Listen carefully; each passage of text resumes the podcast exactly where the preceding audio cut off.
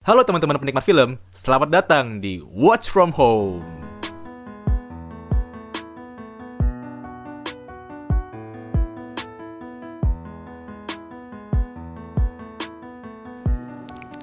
Rosamund Pike kayaknya udah melekat perannya sebagai wanita yang cerdik, licik, dan juga eksentrik. Bersama gue Fatur Alfarizi, episode ini akan membahas I Care A Lot yang tayang di Netflix. Salah satu film yang cukup banyak diperbincangkan nih di banyak akun-akun film yang adanya di Twitter dan di Instagram. Gue sendiri tahu ini banyak di akun-akun film Twitter ya kayak Cenayang Film, Watchmen ID, Opini Tengah Malam, dan lain-lainnya lah yang gue follow di Twitter. Banyak banget yang ketika film ini belum rilis ya pada tanggal pertengahan dan akhir Februari 2021 banyak yang bilang kalau film ini adalah Gone Girl Part 2 udah gak asing sih ya sama film yang berjudul Gone Girl karena itu salah satu film yang menurut gue main fuck abis karena setengah film lo bakal mengira si Rosamund Pike itu adalah protagonis yang benar-benar dizolimi oleh suaminya yaitu Ben Affleck. Ternyata di setengah film sisanya kita diperlihatkan bahwa ini orang punya kelainan jiwa yang ah gila. Itu film dari David Fincher kalau lo belum nonton kayaknya sih ada di Amazon Prime ya. Dulu sih gue nonton di Netflix cuma udah nggak ada. Seingat gue ada di Amazon Prime. Cuma kalau Lot ini ada di Netflix, jadi lo yang berlangganan Netflix karena merasa Amazon Prime ini masih sulit lah menggapainya gitu untuk berlangganannya. Nah ini bisa menjadi perlipur lara lo atau mungkin yang udah sempat nonton Gone Girl dan pengen membandingkan atau melanjutkan ekspektasi lo terhadap si Rosamund Pike.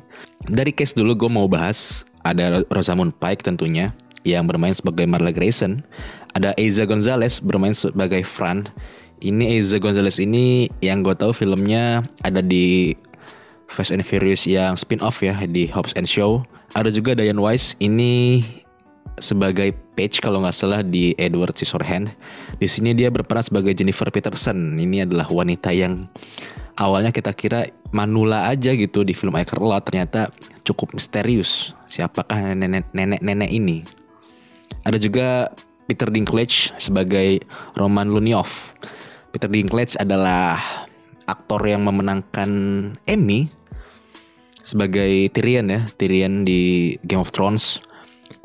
Menurut gue salah satu pilihan terbaik lah uh, mengambil Peter Dinklage ini sebagai entah antagonis atau menjadi villain di film ini kita susah menebaknya, susah menentukannya karena ini film karakternya abu-abu semua. Menurut gue walaupun Peter Dinklage ya lo tahu punya kekurangan fisik ya karena dia pendek cukup pendek tapi ternyata intimidasi sekali dan untuk menjadi mafia keren banget dan sisanya adalah case-case yang cuma pelipur lara aja lah karena nggak terlalu berpengaruh di cerita. Film ini disutradarai oleh Jay Blackson, gue nggak terlalu tahu portfolionya sebagai sutradara jadi skip aja ya. Dan untuk premisnya sendiri ini adalah suatu sinopsis yang cukup segar bagi gue karena ada suatu profesi yang ternyata ada gitu. Jadi ini kalau gue bisa bilang secara singkat adalah mafia panti jompo. Apa itu mafia panti jompo? Nah, di Amerika itu ternyata ada sebuah kebijakan bahwa negara itu akan melindungi para manula yang sekiranya udah nggak mampu mengurus dirinya atau mempunyai keluarga yang ternyata nggak bisa memenuhi kewajiban-kewajiban hidup bagi manula tersebut. Nah, negara itu harus e, berwenang untuk mengambil orang-orang tua tersebut ke dalam pati jompo dan diprogram lah. Nah, semua itu tuh akan disahkan di pengadilan. Di pengadilan akan mengesahkan hakim bahwa manula ini pantas untuk dimasukkan ke pati jompo atau tidak. Namun pastinya ada andil dari dokter. Dokter ini adalah dokter yang e, biasanya menjadi memiliki pasien orang-orang manula yang memiliki penyakit entah Alzheimer, entah penyakit penyakit-penyakit orang-orang tua lah pokoknya. Nah ternyata si Rosamund Pike ini yang berakting sebagai Marla adalah orang yang memiliki company, memiliki agensi yang mengurus banyak sekali manula-manula ini. Jadi manula-manula ini akhirnya nanti eh, jika di ketok palu oleh hakim untuk masuk pati jompo. Nah, Marla ini yang memiliki wewenang untuk memasukkan manula ke panti jompo mana, terus juga memberi makan, memberi obat gitu. Jadi dia adalah koordinatornya lah. Tapi Marla ini memiliki banyak banget klien, manula-manula semua. Ternyata dia bukan cuma orang yang bekerja kayak gitu tapi punya niat buruk.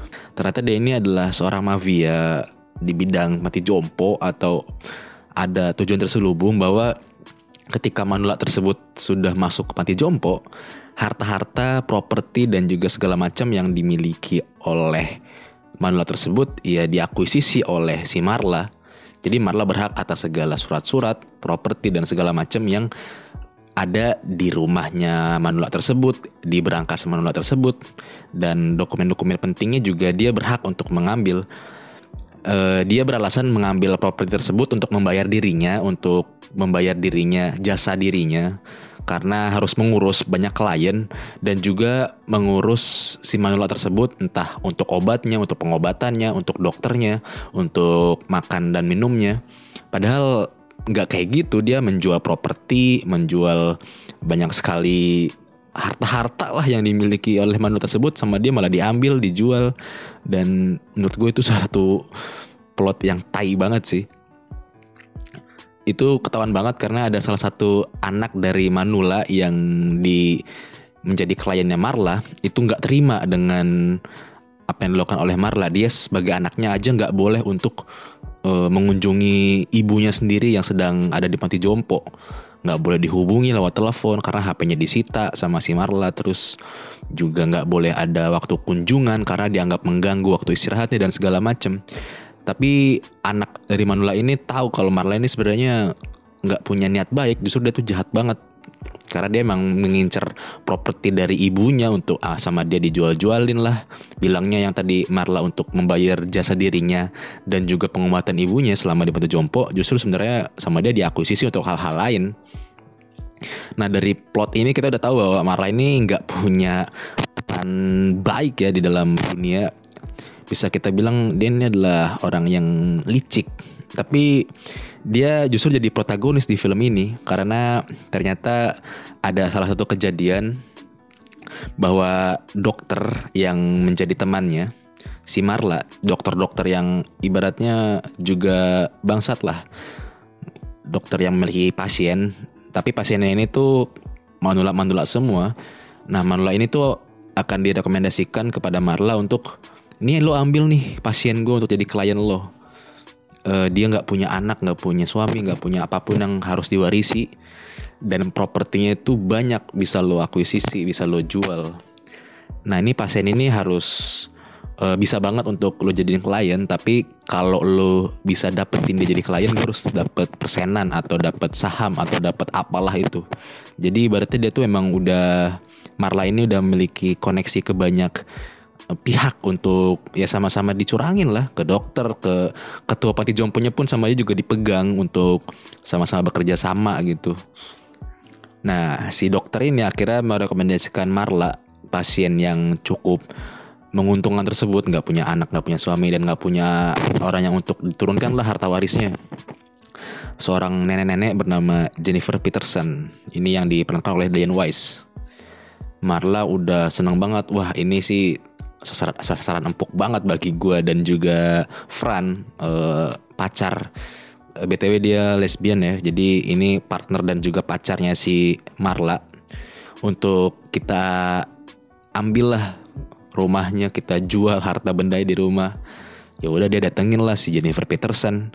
Lalu dia bilang bahwa negara harus mengambil tindakan untuk manula-manula yang kayak gini terutama yang udah punya penyakit ternyata si Jennifer Peterson ini dia kayaknya kebingungan kok. Tiba-tiba gue harus ke sini peti jompo padahal ya dia dia ngerasa dia nggak sakit banget. Dan dia ya setiap hari punya kegiatan entah itu senam dengan teman-temannya entah dia harus uh, menganyam segala macam lah yang dilakukan oleh nenek-nenek pensiunan. Dia itu pun juga punya tabungan yang cukup mungkin punya deposito ya untuk membiayainya hidup setiap hari sampai ketika akhirnya si Jennifer Peterson ini masuk ke Pati Jompo, ada seseorang nih yang mengecek rumahnya Jennifer Peterson, seseorang misterius yang mukanya itu agak bule-bule lah, mungkin bule Rusia, pokoknya bule-bule Eropa. Itu nanya, loh kok uh, Jennifer Peterson nggak ada? Dan pas dia cek ke dalam rumahnya ada si Fran. Fran ini yang partnernya Marla ya, partner sekaligus pacarnya Marla. Dia bilang kalau Jennifer Peterson ini udah pindah tapi nggak bilang ke mananya. Heran dong si bule ini orang Eropa ini kok tiba-tiba nggak ada Jennifer Peterson.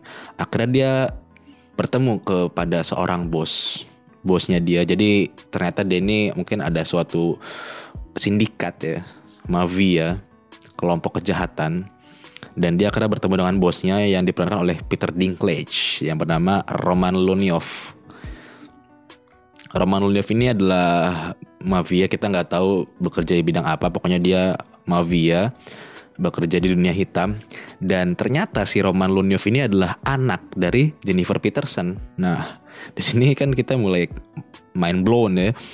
Padahal di data di segala administrasi Jennifer Peterson ini nggak ada anak, nggak punya suami, pokoknya sepetang kara lah. Jadi harta warisnya nggak ada yang bisa diturunin. Tapi Roman Luniov ini bilang kalau ya gue anaknya, ya bilang ke si bule orang Eropa ini bahwa lo harus selamatin ibu gue, lo harus cari tahu ibu gue di mana. Setelah cross check cross check, si bule ini, bule Eropa Timur ini mendapatkan info bahwa Jennifer Peterson yaitu ibunya Roman masuk mati jompo karena suatu program dari pemerintah bahwa Manula itu harus masuk pati jompo dan diberi hmm, perawatan lah, dijamin kesehatan, dijamin kehidupannya dan dia mendapati bahwa orang di balik itu adalah Marla Grayson. Dia juga mendapati bahwa Marla Grayson ini juga ya bukan orang yang cuma bekerja di bidang itu tapi memang punya tabiat-tabiat buruk pada klien-klien lainnya. Di situ Roman Lunio sebagai mafia pasti marah banget ya. Dan dia mengutus pengacaranya bernama Dean Erickson untuk ya pokoknya lu urus deh. Marla ini lu kasih duit aja berapa lu tawarin duit. Mau 100 ribu kayak 200 ribu dolar kayak 300 ribu dolar kayak. Ketika pengacaranya si Roman yaitu Dean Erickson ini datang menemui Marla. Dia bilang kalau Jennifer Peterson itu bukan orang biasa. Lo harus bebasin dia dari peti jompo. Gue gak mau pakai cara kasar. Gue bakal nawarin lo 300 ribu setahu gue 300 ribu dolar untuk ya udah lu tutup mulut lo bebasin si Jennifer Peterson pokoknya udah jangan kayak gini lagi dan lo nggak bakalan berurusan sama siapa pun yang lo nggak tahu tapi Marla mungkin mengerti ya bahwa kalau ada orang ngancem kayak gini sebenarnya bisa dipancing lagi duitnya. Dia nggak bilang kalau 300 ribu mungkin kecil banget buat lo. Gue minta 5 juta dolar. Wah di situ kaget si Dean Erickson. Ini orang Marla dikasih tawaran 300 ribu dolar itu kan udah banyak banget ya. Dirupiahin aja udah hampir 4 miliar. Tapi dia justru malah congkak dan minta 5 juta dolar yang tentunya ditolak mentah-mentah oleh Dean Erickson akhirnya Dean Erickson cabut tapi dia sempat memperingatkan Marla bahwa awas ya lo akan berurusan dengan apa yang gak akan lo pikirkan. Akhirnya hari demi hari uh, Marla ya cuek aja. Cuma sempat berdiskusi sih sama pacarnya yaitu Fran bahwa gini gini gini. Tapi nggak berpengaruh banyak lah buat perspektif Marla untuk tetap menahan Jennifer Peterson. Walaupun si Marla sempat datengin Jennifer Peterson dan dia bilang dia nanya ke Jennifer bahwa lo itu siapa sih sebenarnya? Kok ada orang yang nawarin gua ratusan ribu dolar itu untuk bebasin lo? Padahal lo nggak punya relasi apa-apa ke semua orang. Bahkan pengacara lo aja tuh yang gue cek bukan Dean Erickson namanya tapi pengacara lokal pengacara kecil lah. Cuma notaris biasa. Jennifer Patterson nggak mau jawab pertanyaan itu dan dia cuma bilang bahwa lo dalam masalah. Kalau lo nggak bebasin gue ya udah lo dalam masalah besar gitu akhirnya Rosamund Pike eh Rosamund Pike Marla dan Fran kayak cari tahu siapa itu Jennifer Peterson dan keluarlah sebuah fakta bahwa ternyata Jennifer Peterson ini sudah meninggal sejak tahun 50-an.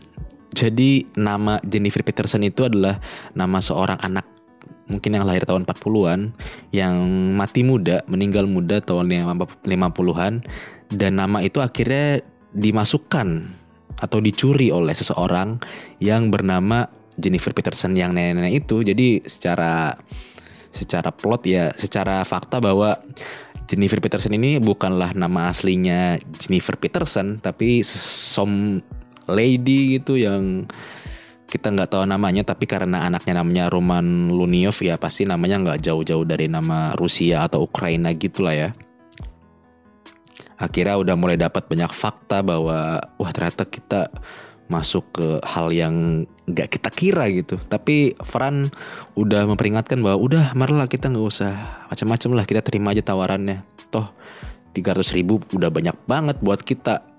Nggak usah ngapa-ngapain gitu. Cuma Marla karena ambisius licik juga nggak kita harus pergunain kita harus manfaatin kayak gini-gini dan ini menurut gue adalah salah satu yang ditonjolkan dari sutradaranya ya kepada Rosamund Pike bahwa Rosamund Pike ini punya kapasitas yang sangat cukup untuk memerankan karakter wanita ini.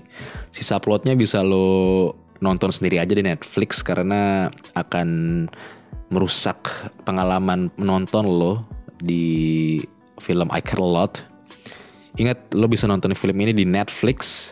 Ini film original Netflix jadi nggak bakal hilang. Tapi gue saranin mendingan buru-buru nonton deh. Banyak yang udah review ini di Twitter, di Instagram. Banyak juga yang udah merekomendasikan. Terutama gue. Gue sendiri ya untuk dibilang Gone Girl Part 2 sih enggak lah ya. Masih beda, masih jauh. Cuma untuk karakter Marla yang diperankan oleh Rosamund Pike ini udah nggak ada lawan sih gue yakin dia mungkin menjadi salah satu nominasi Oscar jika ada Oscar di tahun ini atau tahun depan. Sekian lu untuk Watch Perform kali ini episode I Care Lot. Semoga lo jadi orang yang cukup menikmati film ini.